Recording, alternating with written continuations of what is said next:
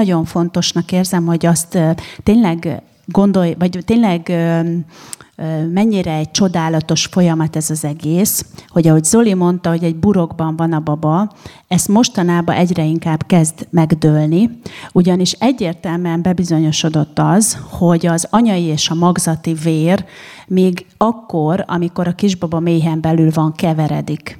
És hogy ez egy ilyen hihetetlen dolog, hogy ezt hogy éli túl az a nő, és hogy éli túl a baba. Tehát, hogy ez a fajta izoláció és szeparáció, ez sokkal inkább valahogy másképp történik meg, és valahogy másképp történik a védelem, mint ahogy eddig gondoltuk, mert nem, hogy nem záródik zsákba a baba, hanem kifejezetten nagyon szoros és nagyon ö, ö, közeli kapcsolatba kerül egymással sejtszinten is az anya és a gyermek.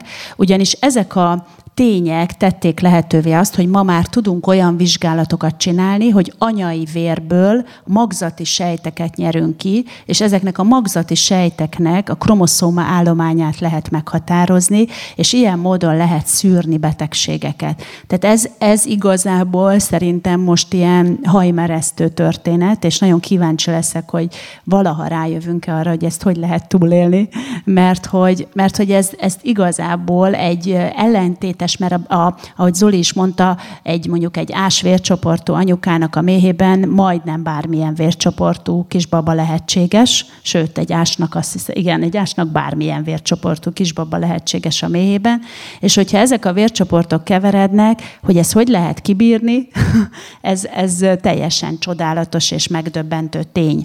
És az is egy nagyon érdekes dolog, hogy egy nőnek a szervezetéből, véréből ki lehet mutatni azt, hogy hány gyermek gyermeke van, pont ezért, mert hogy ezek a sejtek aztán úgy nem tűnnek el végleg és örökre, hanem, hanem gyakorlatilag bizonyos értelemben egy nő magában hordozza a gyermekeinek a lenyomatát egy életre. Úgyhogy talán ennyivel egészíteném ki. És akkor én is idehoztam a rázós eseteket, ugye a beteg babákat és a nemi erőszakot. Egyrésztről a nemi erőszakból pont azért, mert nagyon érdekes dolog a, a várandóság, ugye most a meddőség egy nagyon nagy betegsége a 21. századnak, és nagyon sokszor találkozunk olyannal, hogy mind a két fél teljesen egészséges, és semmilyen betegsége nincs, és mégsem fogambabája, és nagyon gyakran találkozunk olyannal is, hogy mind a két oldalról vannak papírok arról, hogy elképzelhetetlen, hogy gyereke legyen, és mégis lesz gyereke. Tehát én azt gondolom, hogy a, a várandóság, a teherbeesés az egy olyan szinten lelki és szellemi folyamat, aminek megint csak a felszínét kapargatjuk. Tehát azt szoktam mondani, hogy ez ilyen viccesen, hogy a szex kell a gyerek csináláshoz, de nem a szextől lesz a gyerek. És hogy ez tényleg komolyan is így gondolom, mert hogy annyira sok és annyira érdekes folyamatok kellenek ahhoz a befogadáshoz, elfogadáshoz, hogy valaki teherbe tudjon esni, és ez megint nagyon sokan így nem gondolják végig, hogy, hogy ő attól az embertől, és ő úgy és akkor, hogy nagyon sokszor pont ezért a nemi erőszakból statisztikailag is kevesebb gyerek fogal, mint amennyi várható lenne, pont azért, mert ott értelemszerűen ez a fajta elfogadás, befogadás nincs jelen. Ez az egyik dolog, amit fontos tudnotok, mert ugye ezeket ilyen érvként szokták felhozni. A másik, ami szerintem a nemi erőszak kapcsán jó, ha elraktároztok és megemlítetek, hogy a nemi erőszak egy bűncselekmény, még a világi jogszabály alapján is. Na most ezt egy másik bajjal tetézni, az nem biztos, hogy egy szerencsés dolog annak az embernek az életébe. Különösen akkor, hogyha mondjuk olyan emberrel találkoztok, mert azért a nők nagy része a világban is az abortusztól írtózik és el szeretné kerülni. Tehát, hogyha egyébként ő nem egy abortuszpárti, megrögzött feminista irányvonalú hölgy, akkor nagyon sokszor nagyon tudtok hatni rá azzal, hogy, hogy ezzel, ezzel saját magának mond ellen, a saját gondolatvilágának, a saját indulatának, érzelmének, és nem kell ezt feltétlen tennie. Ha nagyon úgy érzi, hogy a kisbabát nem tudná megtartani, akkor is vannak más lehetőségek, más irányvonalak, amiket jó, hogyha feltártok előtte. A beteg babáknál pedig megint csak egy nagyon-nagyon érdekes dolog az, hogy, hogy ki tudja, hogy egyrésztről ki az, aki egészséges, Ugye van egy ilyen vicc, hogy nincsen egészséges ember, csak rosszul kivizsgált, és ebben van igazság, mert hogy nem, nem tudjuk megmondani azt, hogy az itt jelenlévők közül hányunknak van olyan betegsége, ami, ami már ott van adott esetben akár évek óta, csak nem tudunk róla, mert nem okoz még tüneteket. Tehát, hogy ez is egy ilyen nagyon-nagyon fals irányvonal, ami ma van, hogy minden betegséget ki lehet szűrni, minden betegséget tudunk, és sajnos egy olyan instant világban élünk, ahol az emberek százszázalékos biztonságokat akarnak, tökéletes gyerekeket akarnak. Ugye nagyon sokan sajnos egy vagy maximum két gyereket vállalnak, akinek minden szempontból tökéletesnek kell lennie, egészségesnek, okosnak, intelligensnek, osztályelsőnek, stb. Tehát egyébként ez egy iszonyatos irányvonal, tehát szerintem rendkívül nehéz a most induló generációknak pont ezért, és nagyon sokszor lehet, hogy pont ebből indul az a lázadás, hogy nem akarnak csinálni semmit, de az tökéletesen. Szóval a lényeg az, hogy fontos itt is felhívni a figyelmet arra, azt gondolom, hogy tudják a, a kismamák azt, és itt nyilván adott esetben nektek is, hogyha ilyen, ilyen prevenciós munkában részt vesztek, hogy százszázalékos biztonság nincs. Nekem volt egyszer egy olyan élményem, hogy egy tökéletes lelettel megszületett egy kisbaba, hál' Istennek nem, nem én voltam az orvos, csak jelen voltam. Egy makkegészségesnek tűnő kisbaba, és a karján volt egy pici csomó. És hát ezt úgy mindenki úgy volt vele, hogy hát jó, hát azt majd biztos el kell távolítani, valami tehát, hogy így körülbelül ezen a szinten van az orvostudomány azért egyébként. És akkor így a vizsgálatok során aztán kiderült, hogy ez egy rossz indulatú folyamat, ami, ami aztán nagyon-nagyon rossz volt, és gyakorlatilag a kisbaba egy-két évet élt, utána meghalt, és az a két éve nem volt egy leányálom. Na most ezt méhen belül kimutatni nem lehetett.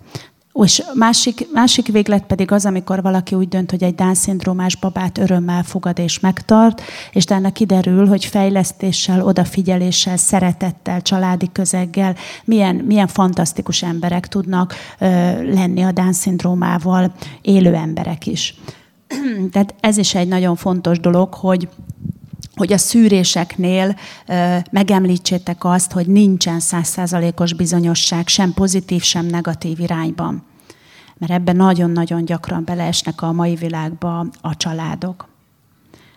És akkor én is hoztam egy ilyen nagyon érdekes felvetést, amit Zoli is említett, hogy kit tekintünk élőnek, hogy milyen érdekes dolog az, hogy ott a műtőasztalon, nem tudom mennyire látjátok, ott fekszik az az ember, akit gyakorlatilag az a másik négy-öt ember tart életbe, mégis senki nem mondaná róla azt, hogy ő nem él. Maximum azt mondjuk, hogy nagyon nagy bajban van és segítségre szorul. És a másiknál egy kisbaba ábrázolódik, akiről pedig az nagyon sokan ugye azt kommunikálják, hogy hát ő még nem él. Holott, ha belegondolunk abba, hogy ugye mind a két ember, aki itt van, tud osztódni, tud differenciálódni a sejtjei, tehát alakulni, kommunikálni tud, ugye a, sőt, még azt gondolom, hogy a méhen belüli gyerek ebben az esetben előnyben részesül, mert hogy a, a műtőasztalon fekvő emberke nem nagyon tud kommunikálni, még a méhen belüli magzat egészen pici kortól, tehát megdöbbentőek azok a kémiai folyamatok, hogy a női szervezet gyakorlatilag a megtermékenyülés pillanatában már olyan jeleket indít el, ami folyamatosan elkezdi átalakítani a női szervezetet és felkészíteni a várandóságra. Tehát a megtermékenyített petesejt már kommunikál az anyával, és, és kapcsolatba kerül az anyával, és az anya visszakommunikál, ugyanis pont emiatt tud kialakulni ez a nagyon érdekes immunológiai állapot, hogy ők nagyon különbözőek, és mégis nagyon szeretik egymást, testi szinten mindenképpen, és nagyon támogatják egymásnak a, az életét. És akkor ide még egy nagyon érdekes dolgot, hogyha belefér, szerintem elmondanék, hogy a párválasztásnál például az emberek azt a férfit, vagy azt a nőt választják, aki immunológiai és genetikai szempontból a lehető legkülönbözőbb tőlük. Tehát, hogy mert hogy mert hogy így várhatók az egészséges utódok. És hogy hogyan állapítjuk meg ránézésre, hogy most genetikailag ugyanolyanok vagyunk-e, vagy különbözőek, ezek az úgynevezett feromonok segítségével, magyarul az illető partnernek a szaga által. Ezért ez ilyen viccesen hangzik, de hogy biztos, hogy akik házasok vagytok már, tapasztaltátok azt, hogy úgy odabújtok a párotokhoz, neki van egy jellegzetes saját szaga, és számotokra az kedves, és nem pedig taszító. És itt most nem a három órás edzés utáni szagra gondolok, hanem mondjuk ami úgy, úgy, úgy a testének, a bőrének az illatára. És hogy ez egy nagyon érdekes dolog, hogy viszont ezt az érzékelésünket nagyon befolyásolják a dezodorok, nagyon befolyásolják a hormonális fogamzásgátló tabletták, és hogy éppen ezért azt mondják, hogy nagyon valószínű, hogyha valaki úgy választ párt, hogy közben fogamzásgátló tablettát szed, akkor nagyobb eséllyel téveszt. És érdekes lenne egy ilyen kutatás, hogy ott mennyivel több a vállás, vagy a, vagy a meddőség adott esetben, de hogy, de hogy ennyire, ennyire mély és ennyire érdekes dolgok ezek a, a... Tehát, hogy a párválasztás, ugye azt gondolnánk, hogy jól néz ki, helyes, szép, csinos, nem tudom én, ezek a fő motivációk, de hogy mennyire nem, hanem sokkal inkább egy ilyen mélyebb, ösztönösebb vonzalom, és ezért lehet az, hogy mondjuk egy képet megmutatnánk itt nektek, akkor a e, csapat egy részének tetszene, egy részének nem, tehát hogy mennyire nem ez számít igazából, hogy milyen a külalak. És akkor azt gondolom, hogy nagyon fontos, hogy ti magatok tudjátok azt, hogy valójában milyen lehetőségek vannak akkor, hogyha egy nem kívánt terhességről beszélünk. Ugye az egyik az, és nem ritka, hogyha ügyesen és, és megfelelően segítjük azt a hölgyet, aki egy nem kívánt várandósággal várandós, hogy ő meg fogja tartani ezt a babát, és egy-két év múlva oda megy hozzátok, és hálásan megköszöni. Én személy szerint is nagyon gyakran, nagyon, nagyon gyakran sajnos nem, de jó párszor megtapasztaltam azt, hogy konkrétan visszajöttek hozzám, és oda jöttek, és megköszönték, hogy, hogy abban a rendkívül éles helyzetben, abban a nagyon kritikus életszakaszban nem csak egy fogaskerék voltam, aki tovább lökte őt ezen az adott futószalagon, és ment a következő állomásra és a következőre, hanem egy picit leültem vele beszélgetni, és elkezdtünk elkezdtünk arról beszélgetni, hogy, hogy mi a legfőbb oka, ami miatt ő el akarja vetetni ezt a kisbabát. És hogy fontos, hogy ti is inkább megérteni akarjátok őt, ne lebeszélni, ne agitálni, ne eltéríteni, hanem megérteni. Mert ha megértitek azt, hogy e mögött, a szándék mögött ő benne mi motoszkál, akkor sokkal-sokkal könnyebben tudtok neki segítséget nyújtani. Míg ha úgy álltok hozzá, és úgy mentek oda, hogy hát az abortusz bűn, és az abortusz rossz, és ne csinálja, akkor viszont be fog zárni zárni, és nem fogja azokat a dolgokat elmondani, amiben valódi segítségek tudnátok lenni. Tehát el, érdemes megkérdezni, hogy mi, mi, a, mi az, ami a legnehezebb most ebben a helyzetben. És lehet, hogy valami olyan banális dolgot fog mondani, ami megint fontos, hogy vedd komolyan. Tehát neked lehet, hogy banális, hogy azt mondja, hogy akkor nem tud iskolába járni, mert tudod jól te, hogy millió egy másféle módon tud iskolába járni, tudja folytatni a tanulmányait. Vagy lehet, hogy azt mondja, hogy anyagilag teljesen ellehetetlenül, vagy maga marad, vagy akár. Tehát nagyon sokféle életút van, de ilyenkor nagyon fontos az, hogy, hogy valódi segítséget próbáljatok nyújtani, és ne ítélkezzetek, és ne megítéljétek az ő helyzetét, hanem átgondolni, belehelyezni magatokat. Én nagyon sokszor szoktam azt, azt a nagyon egyszerű technikát alkalmazni, hogy elmondom nekik, hogy gondoljon abba bele, hogy mondjuk a mostani életéhez képest kilenc hónappal ezelőtt mi volt. És legtöbbször az ember, ha most ti, bele, ti eljátszátok magatokkal ezt a dolgot, kilenc hónap első ránézésre nagyon rövid idő. De ha igazán belegondolsz, a te életedben, és biztos, hogy van itt a teremben legalább egy, de szerintem több ember, akinek a kilenc hónappal ezelőtti énje nem gondolta volna, hogy kilenc hónappal később ezek a dolgok történt. Tehát ez alatt a kilenc hónap alatt ezek a dolgok történnek meg vele.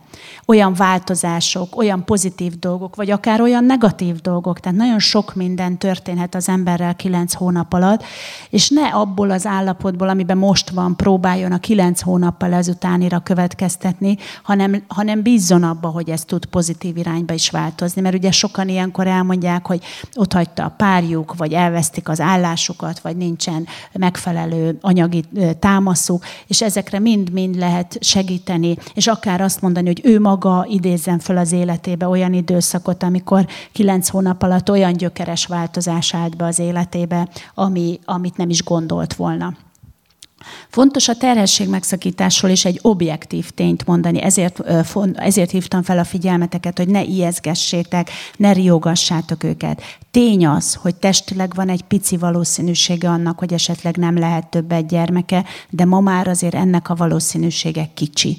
Tény az, hogy lehet fertőzése, gyulladása, még sérülése, de ezek tökéletesen megoldhatók. Tehát az, hogy valakinek egy terhesség megszakítás után soha az életbe többet nem lehet gyereke, ez nagyon-nagyon-nagyon ritka. Tehát ezt megint megemlíthetitek, de úgy korrekt, ha így említitek meg, hogy ez is benne van a pakliba, egy kis százalékba. És az is tény, hogy viszont lelkileg nincs olyan ember, aki ezen sérülés nélkül át tud menni. Mert hogy ez szokott viszont egy, tehát hogy nagyon érdekes, hogy még mindig a közhiedelemben inkább az van, hogy ez testileg egy nagy beavatkozás, sok veszélyes, sok problémával, sok komplikációval, viszont lelkileg túl vagyunk rajta, elfelejtjük, megyünk tovább, és megoldottunk egy problémát. És erre viszont hívjátok fel a figyelmét az embereknek, hogy nincs ilyen. Tehát ezt nem lehet semmisé tenni semmivel. Se azzal, hogyha utána, mert nem ritka, hogy utána újra gyorsan teherbe esik valaki, és azt megtartja. Tehát megdöbbentő, hogy milyen a statisztikai arány ez erre. Nem lehet semmisé tenni akkor, hogyha ő utána elkezdi hedonista életet élni, és semmi egyébbel. Tehát tényleg úgy vagy, hogy egyetlen egy dolog tudja megváltoztatni, hogyha az Úr megbocsát neki, és, és befogadja a szívébe Jézust, de még akkor is az érzés, a fájdalom, a keserűség jó darabig ott van. Úgyhogy erre is nagyon jó, ha józanon beszéltek, és ami a legfontosabb, hogy az örökbeadást is említsétek meg. Mert nagyon-nagyon-nagyon sokszor az örökbeadás fel sem merül ebbe a gépezetbe, amin ők végigmennek, hogy esetleg örökbe is adhatja. És hogy mennyire furcsa a társadalom megítélése az örökbefogadással kapcsolatban, az azt jól mutatja azt, amikor én is például voltam egy, egy páciens, vagy egy, egy nem kívánt terhességgel egy hölgynek mondtam, hogy hát gondolkozott-e az örökbeadáson, és így rám nézett, hogy én a saját gyerekemet másnak odadni. És akkor én így mondtam neki, hogy igen, ön a saját gyerekét inkább megölni. És akkor ez így leesett neki a tantusz, hogy azért valójában mi, mikről beszélgetünk. És akkor megtartotta és örömmel felnevelte. Tehát, hogy néha egy-egy ilyen mondat, egy-egy ilyen nagyobb pofon is segíteni tud abba, hogy, hogy objektíven lássa. Mert ugye valóban, ha belegondolunk abba, hogy milyen, milyen természetellenes dolog odadni valakinek a gyerekünket, hogy majd ő nevelje, én meg élem az életemet, és tőlem függetlenül él egy belőlem származó emberi lény, na de az nem természetellenes, hogy inkább megölöm, hogy még annyi esélye se legyen. Tehát, hogy sokszor ilyen, ilyen nagyon-nagyon egyszerűen nem kell túl bonyolítani, túl gondolni a dolgokat, mert hogy ezek a hölgyek úgynevezett módosult tudatállapotban vannak, amire jellemző az, hogy nagyon beszűkült, nagyon-nagyon ö, ö, csőlátású, tehát sokkal, tehát nagyon fontos, hogy ti kinyissátok ezt a csőlátást, és perspektívát adjatok neki, és a jövő felé legyen egy reménysége, és nagyon jellemző erre a módosult tudatállapotra, hogy a bonyolult dolgokat nem tudja befogadni elfogadni. Tehát ne kezdj el neki hatalmas történeteket mesélni, sokszor tényleg egy-egy ilyen nagyon-nagyon hideg zuhanyként érkező mondat is helyre tudja őket billenteni. És hát fontos az, hogy eljusson oda, hogy az a döntés valóban az ő döntése legyen. És neked pedig fontos az, hogy eljuss oda, hogy az ő döntését el tud fogadni. És még akkor is el tud fogadni, hogyha ez a terhesség megszakítás. Nem kell vele együtt érteni, egyet érteni, nem kell ebbe úgymond neked támogatni, nyugodtan mondhatod azt, hogy elfogadom, de akkor én ebből már kilépek, és ebben nem asszisztálok, és nem segítkezek benne, de elfogadni el kell, mert hogy szabad akarata van minden minden embernek. És ezért, de hogy el tudjon oda jutni, hogy az nem az anyukája döntése, nem a társadalom nyomása, nem a futószalagnak a következő lépcsőfoka, hanem ő mindent mérlegelve, minden segítséget te megadsz neki, ti megadtok neki, és ő mégis ezt a döntést hozza.